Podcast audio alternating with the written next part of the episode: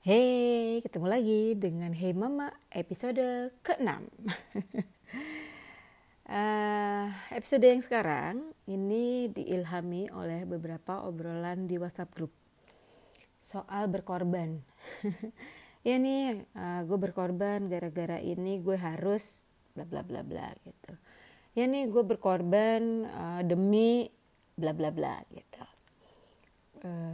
kalau dipikir-pikir kalau misalnya sepanjang hidup kita itu kita rasanya kayak kita harus berkorban terus seperti yang sering orang bilang hidup itu penuh dengan pengorbanan ya, capek banget gak sih Bo? Hidup itu penuh pengorbanan. Terus kapan enggak berkorbannya gitu kan? Um, oleh karena itu uh, topik uh, episode yang ini gue kasih judul hidup itu adalah pilihan.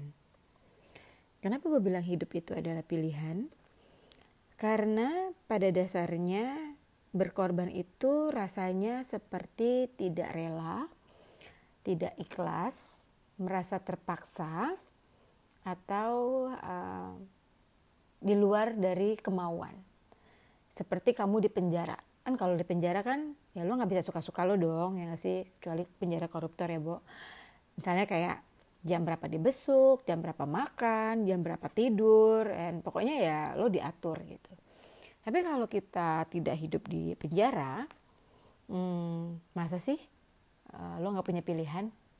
Contohnya gini uh, gue zaman dulu juga suka banget tuh menggunakan kata-kata berkorban itu. Ya waktu zaman muda Jadi zaman dulu itu buat yang sudah dengar episode uh, sebelum-sebelumnya udah tahu kan kalau bokap gue tuh meninggal waktu gue umur 16 tahun. Jadi uh, ceritanya gue harus uh, cepet cari kuliah yang cepet dapat kerjaan dan dari situ ya udah langsung kerja cari duit gitu. Pada dasarnya ya gue punya dua adik dan uh, satu ibu yang ya harus dikasih uh, nafkah kan pada dasarnya gitu ya, Bo. Gitu.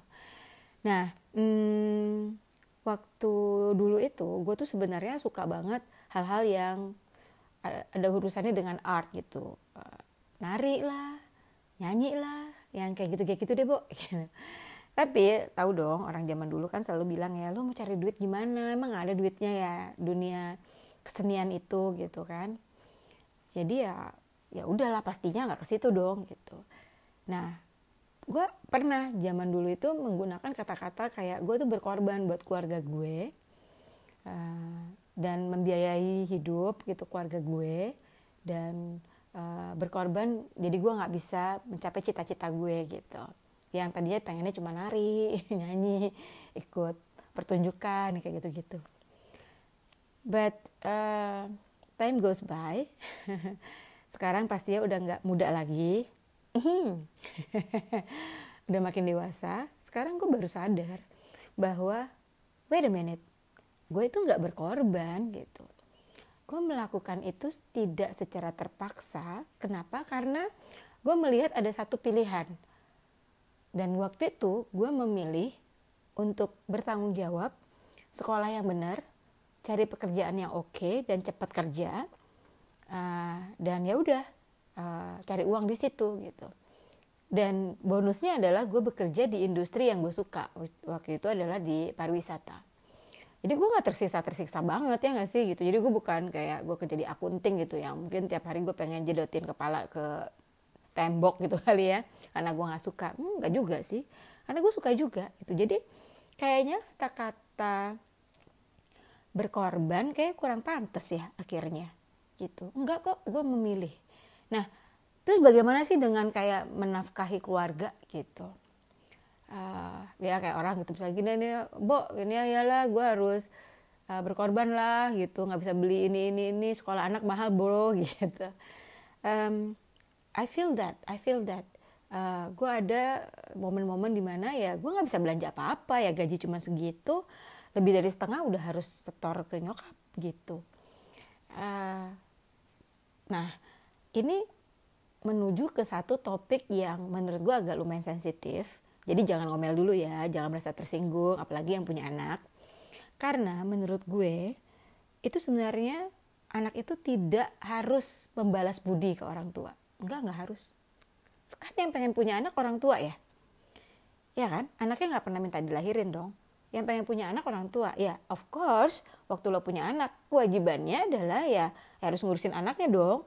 Kasih makan, kasih sekolah, kasih rumah, kasih kasih sayang, apa pun itu yang dibutuhkan oleh anak. Ya kan karena orang tua yang mau, lo yang pengen punya anak.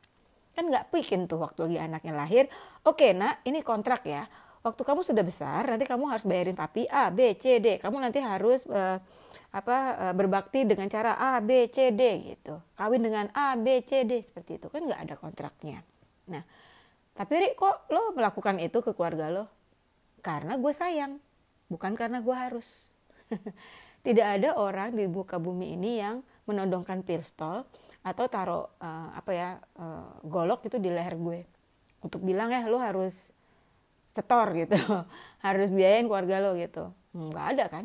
Tapi gue sayang gue sayang nyokap gue gue sayang adik gue gitu. Gue sayang keluarga gue gitu. Jadi ya gue kasih hasil jeripaya gue itu secara ikhlas karena gue sayang tidak karena harus gitu nah ini menjawab juga pertanyaan dan beberapa orang gudah gulana soal cita-cita.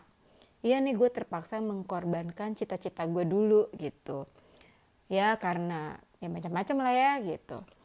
Nah sekarang gini, kalau memang di suatu saat dulu lo terpaksa uh, apa ya mengesampingkan cita-cita itu gitu. Nah sekarang kalau memang masih ada waktu, kalau memang masih ada umur, kalau memang masih ada cita-citanya kenapa nggak dicari?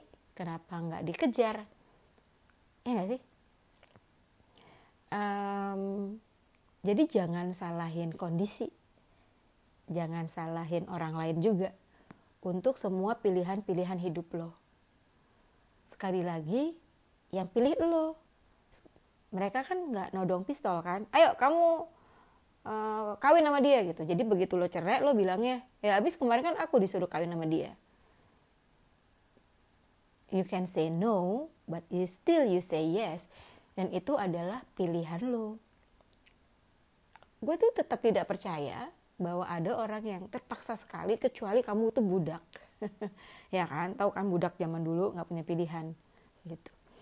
Tapi selama kamu punya yang namanya uh, free will gitu kan you decide is your life.